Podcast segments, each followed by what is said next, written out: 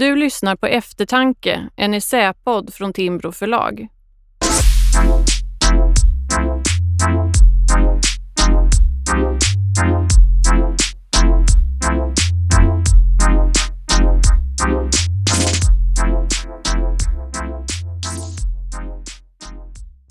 I det här avsnittet av Eftertanke granskar Frida Jönsson den borgerliga kritiken av postmodernism och identitetspolitik. Hon menar att det finns goda skäl att återgå till en klassisk uppdelning. Det är en vetenskaplig uppgift att besvara frågor om vad som är sant eller falskt medan politiken ska ägna sig åt vad som är rätt eller fel.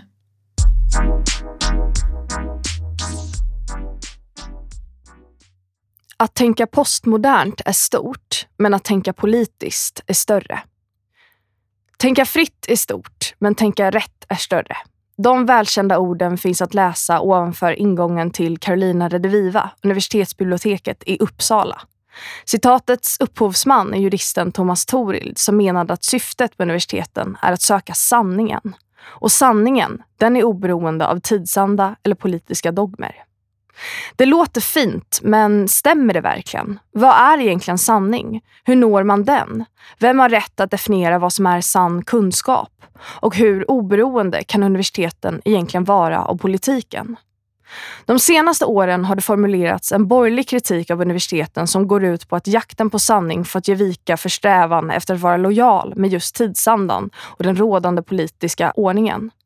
I november 2017 publicerade ledarskribenten Ivar Arpi en uppmärksammad artikelserie i Svenska Dagbladet där han drev tesen att genusvetenskapen blivit en överkyrka. En statsfeministisk dogm hade etablerats som begränsade den fria forskningen.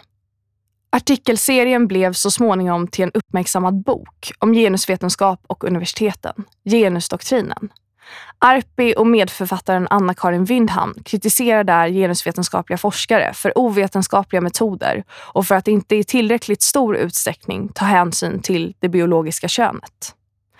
Arpi och Windhams bok kan också låta sig sorteras till en diskussion som just handlar om vad vetenskap är och borde vara. Deras resonemang rimmar väl med en växande borgerlig kritik av postmodernism och identitetspolitik. På ena sidan en ovetenskaplig, kunskapsfientlig postmodernistisk vänster som bejakar identitetspolitik och relativism. På andra sidan en kunskapsorienterad, rationalistisk höger som eftersträvar förnuftsbaserad universell politik. Men är det så enkelt? Ett genomgående problem med den här bilden är dess yviga definitioner. Ledarskribenten Håkan Boström har exempelvis definierat identitetspolitik som politik baserad på grupptillhörighet. Han fortsätter.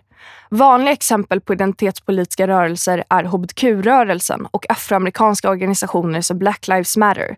Men även delar av feminismen, politisk islamism och den så kallade identitära högern kan räknas hit. Problemet med den här definitionen av identitetspolitik är att den är poänglös. Vem skulle bekänna sig till den här rörelsen? Som både hyser nazister och islamister. Nästan ingen av de personer som högern stämplat som identitetspolitiker skulle använda sig av den beskrivningen om sig själva eftersom ingen feminist vill vara med i samma lag som en nazist. Den här användningen av begreppet identitetspolitik resulterar i att det nästan är omöjligt att förstå vad som diskuteras. Identitetspolitik och postmodernism har helt enkelt blivit projektionsytor för borgerligheten. Ungefär som nyliberalism är för vänstern eller kulturmarxismen är för högerpopulismen.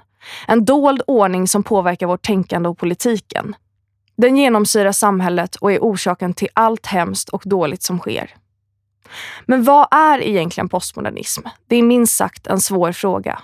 Filosofen Richard Bernstein konstaterade redan 1991 att det inte fanns någon konsensus kring hur man ska definiera postmodernismen. Den är för mångfacetterad och bedräglig. Michel Foucault, som ofta framhålls som en av de främsta franska postmodernisterna, vill i en debatt inte kännas vid ordet. Laurel Richardson, professor vid Ohio State University i USA, menar att kärnan i postmodernismen är tvivlet på att någon metod eller teori kan göra ett universellt och generellt anspråk på att vara den rätta formen av auktoritativ kunskap. Richardson menar alltså att ett visst mått av självrannsakan bör prägla forskningsprocessen. I en mer nordisk kontext hävdar litteraturvetaren Viktor Malm i sin avhandling är det detta som kallas postmodernism, som handlar om rörelsen inom det litterära fältet, att termen postmodernism tycks ha lika många betydelser som användare. Den postmoderna tiden börjar enligt etikforskaren Nora Hemmelainen under 1960-talet och påverkade både vetenskapssynen, litteraturen och konsten. Hon hävdar att den i första hand syftar till att göra det som händer i samhället mer begripligt och att den är en reaktion mot modernismen, därav namnet. I svensk debatt handlar diskussionen om postmodernismen primärt om kunskapssynen. Den borgerliga kritiken mot postmodernismen är att den förkastar objektiva värden, avvisar vetenskapliga metoder och leder till värderelativism. Den rivige psykologiprofessorn Jordan B. Peterson menar till exempel att postmodernismen är en ondskefull och nihilistisk doktrin. Den måste bekämpas eftersom den är ett hot mot den västerländska civilisationen. Naturvetenskapliga metoder skiljer sig från samhällsvetenskapliga eller humanistiska metoder. Ibland framställs det som att naturvetenskapen skulle vara mer seriös eller mer vetenskaplig än samhällsvetenskapen. Ett exempel är en debattartikel i DN där bland andra filosofen Åsa Wickfors går till angrepp mot postmodernismen. Wickfors och medförfattarna hävdar att postmodernister halkar fram till sina slutsatser istället för att grunda dem i fakta. Postmodernistiska idéer utgör inte verklig bildning och kunskap. Akademin präglas av sanningsrelativism och det är absurt att betrakta naturvetenskap som en social konstruktion eller en berättelse likvärdig med andra berättelser. Ett annat exempel är Adam Schweiman som menar att postmodernistiska idéer påverkar det politiska samtalet på ett negativt sätt. Han skriver i Göteborgs-Posten. Postmodernismens olika företrädare, vare sig de är ryska propagandister eller svenska sanningsrelativister, förenas i en upplysningsfientlig uppfattning att sanning är en chimär. Medan ryska propagandister hävdar att alla ljuger lika mycket hävdar de postmodernt anstrukna i Sverige att sanning bara är ännu en form av maktutövning. Sveiman avslutar texten med en parallell till upplysningen. En liberal grundsats är att människor är förnuftiga nog att komma hyggligt överens om vilken verklighet vi talar om och hur denna kan förstås för att därefter diskutera politik och policy. Faller det här paradigmet blir det svårare att faktiskt driva politik. Att uppmärksamma detta är inte en trivial distraktion som vissa ägnar sig åt. Fundamentet för rationell och klok politik är att det fria ordet och sökandet efter sanning sker utifrån en upplysningstradition. Min avsikt är inte i första hand att rida ut till postmodernismens försvar. Det finns det andra som gör bättre. Jag menar nämligen att postmodernismens eventuella fel och brister ur ett vetenskapligt perspektiv är en diskussion som bör tas inom universitetsvärlden. Dels eftersom när politiska opinionsbildare har åsikter om akademiska teorier och metoder blir kritiken ofta minst sagt bristfällig. Under ett panelsamtal om Lena Anderssons bok om falsk och äkta liberalism kom diskussionen att handla om postmoderna teorier. Moderatorn, ledarskribenten Karin Pil, frågade sig hur postmoderna forskare både kan dekonstruera begrepp som kön men samtidigt mena att vi lever i en könsmaktsordning. Det är en bra fråga men postmoderna forskare har givetvis tänkt på detta. Det kallas strategisk essentialism och innebär att man undersöker effekterna av en viss samhällsordning men tar inte utgångspunkterna för den ordningen för sanningar. På samma sätt är det ingen motsättning mellan att hävda att nationella eller etniska identiteter är socialt konstruerade och samtidigt utgå från dem som studieobjekt om man vill förstå hur samhället fungerar. Men det är framförallt onödigt att ledarskribenter ska snurra in sig i olika vetenskapsteoretiska resonemang. Vetenskap handlar om att förstå och förklara hur världen hänger ihop.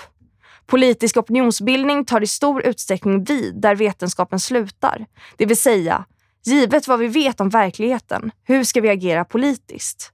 Det finns en parallell här till diskussionen om fake news och den så kallade faktakollen som lanserades av bland andra SVT och Sveriges Radio inför valet 2018. Här kunde man läsa att vissa politiska påståenden, till exempel att Moderaternas politik kunde leda till sänkta löner, inte stämde. Vad är problemet med det, kanske man frågar sig. Problemet är att man inte kan reducera politiska idéer till fakta. De utgör en integrerad del i en politisk normativ berättelse. Man kan inte forska sig fram till vilket samhälle vi borde leva i. Om vi gör oss av med postmodernismen kommer vi fortfarande stå där med alla politiska konflikter olösta. Till exempel konflikten om vilka värden samhället och politiken borde utgå ifrån.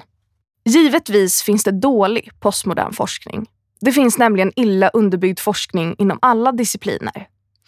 Ett kapitel i genusdoktrinen med titeln Kejsarens nya ideologi går igenom olika bristfälliga genusvetenskapliga studier.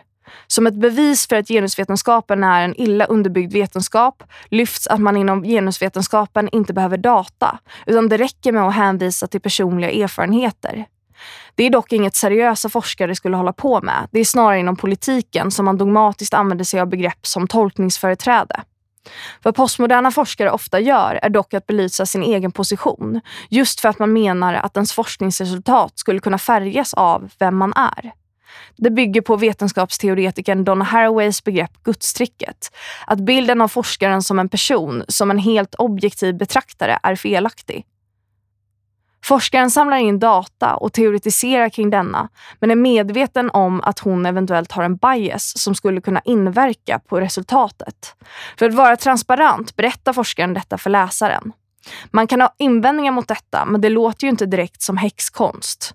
Lundaprofessorn Mats Alvesson menar att även en extremt rationell forskare som genomför till exempel en kvalitativ intervjustudie kommer att ha svårt att argumentera för att den forskning hon presenterar är en exakt representation av verkligheten. Vilka frågor ställdes? Hade andra frågor, andra formuleringar eller andra svarsalternativ påverkat resultatet? Alvesson menar att man inte behöver köpa hela det postmoderna paketet utan att man kan använda vissa delar för att få till en bättre och mer intressant samhällsforskning.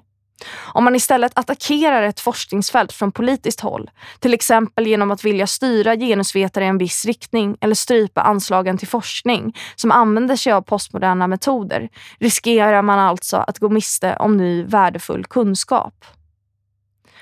Postmodernismen kritiseras för att den frågar sig vad vi egentligen kan veta och att den ifrågasätter vår förmåga att vara objektiva. Jordan B. Peterson menar att detta är farligt, ja till och med ondskefullt. Kritikerna anser att postmodernismen uppfunnit tvivlet på en objektiv verklighet. Men filosofiska inriktningar som problematiserar vår förmåga att forska objektivt finns det gott om. Vetenskapsteoretikern Thomas Kuhns idé om paradigm och paradigmskiften är ett exempel. Kuhns idéer implicerar ju just att det inte med säkerhet går att konstatera att någonting är sann objektiv kunskap. En annan betydligt äldre filosof som bekymrade sig för om vi kunde förstå världen genom våra sinnen var Descartes. Hans ärkefiende, den italienske filosofen Giambattista Vico, hävdade att det vi omöjligen kunde veta något alls om är naturen. Allt vi kan veta är om det människan själv skapat. Poängen är att konflikten om vad vi kan veta är lika gammal som vetenskapen själv. Det är ingenting postmodernismen har kommit på.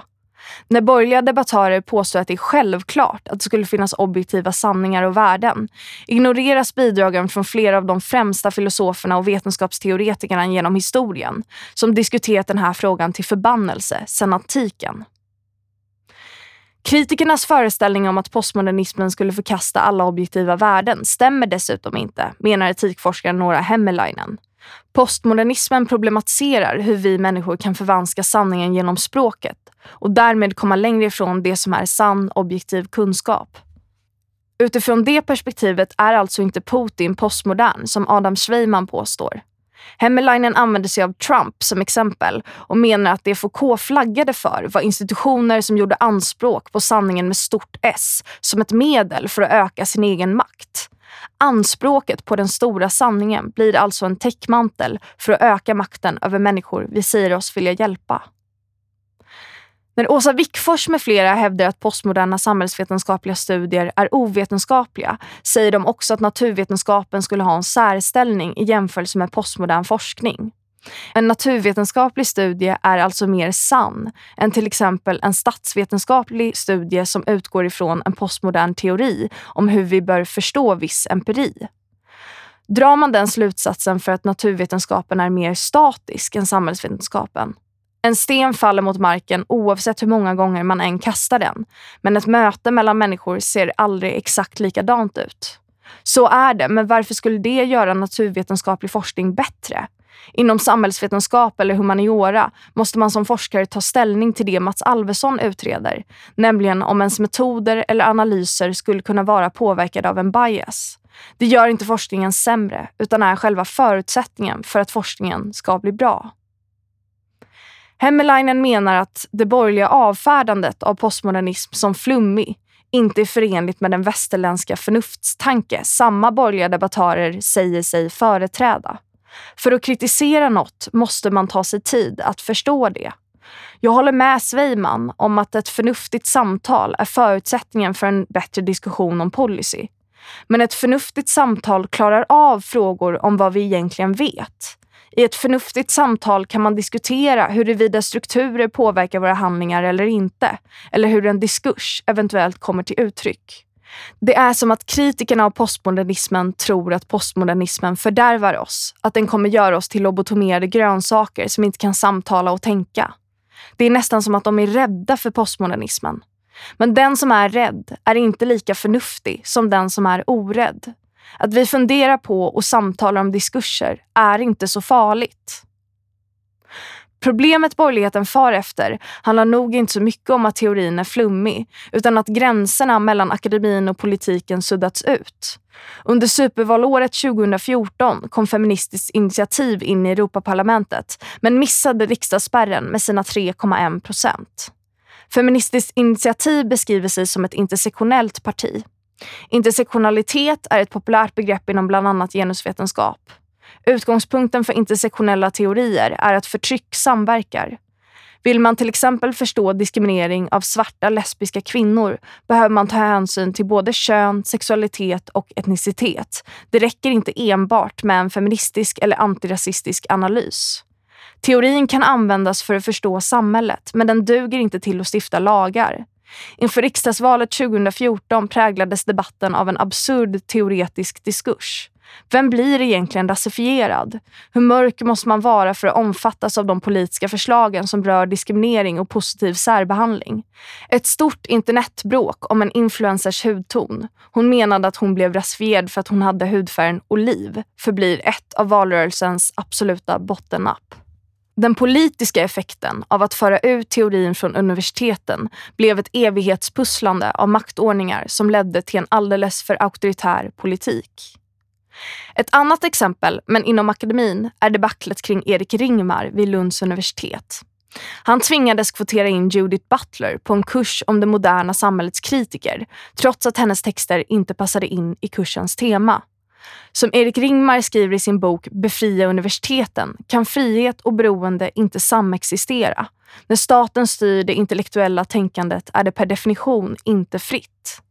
Politiker ska med andra ord inte projicera sina idéer om vad som är bra eller dålig forskning på akademin. Lärare och forskare vet själva hur de ska lägga upp sin undervisning eller sin forskning. Där har Ivar Arpi och Anna-Karin Wynman rätt om jämställdhetsplaner och tvång. En rolig parentes i sammanhanget var att Judith Butler ställde sig på Ringmars sida i konflikten, vilket innebär att alla genusvetare uppenbarligen inte strävar efter att ta över universiteten. Det är ingenting som följer av att vara verksam inom det forskningsfältet.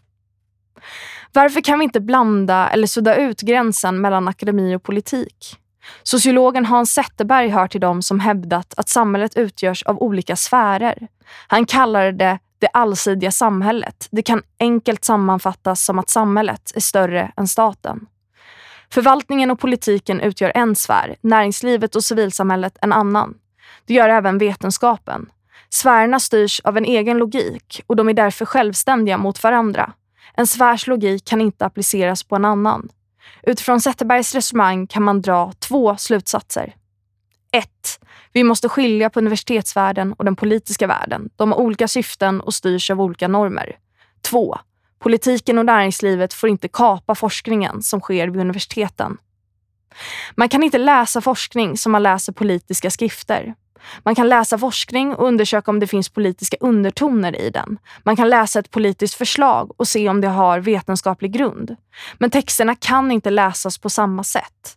Akademins roll är en annan än politikens. Vetenskapen syftar till att förstå världen. Politiken syftar till att skapa, upprätthålla eller förändra en viss ordning i världen. Man kan inte läsa en akademisk uppsats som man läser ett lagförslag. Lagförslaget måste vara konkret och kan inte ha som syfte att utforska en tes. Inom politiken är det rätt att tycka, att vara normativ och ta ställning för en ideologi. Är det kanske därför så många borgerliga debattörer är så rädda för postmodernismen? Är det för att man tror att alla vetenskapliga uppsatser eller texter har ett politiskt anspråk som kommer realiseras vilken dag som helst? Istället för att borgerligheten snurrar sig in i olika resonemang om varför postmodernismen är bra eller inte, är det nog bättre att vi utvärderar konkreta politiska förslag. Varför är det till exempel dåligt att kvotera litteraturlistor? Utifrån ett borgerligt perspektiv är det dåligt dels för att det inskränker den akademiska friheten, dels för att det indikerar att kvinnor skulle ha en gemensam uppfattning om något bara för att de är kvinnor. Att kvotera litteraturlistor är helt enkelt oförenligt med borgerliga grundvärden. Vi borde nog säga det istället för att oja oss över postmodernismen. Den här essän inleddes med en fråga om vad sanning är. Jag har försökt visa att det alltid varit svårt att avgöra det. Vetenskapen brottas ständigt med den frågan. Den borgerliga kritiken mot postmodernismen och dess kunskapssyn är ofta ganska ytlig. Jag menar att det finns problem med att skjuta in akademiska resonemang i en politisk kontext och tvärtom. Borgerligheten bör istället utvärdera de politiska förslag som kommer från den grupp som den kallar identitetspolitisk utifrån borgerliga värden. Politik handlar nämligen om vad som är rätt och fel, inte om vad som är sant och falskt. Det handlar primärt om ideologi, inte om vetenskap. Att tänka postmodernt är stort, men att tänka politiskt är större.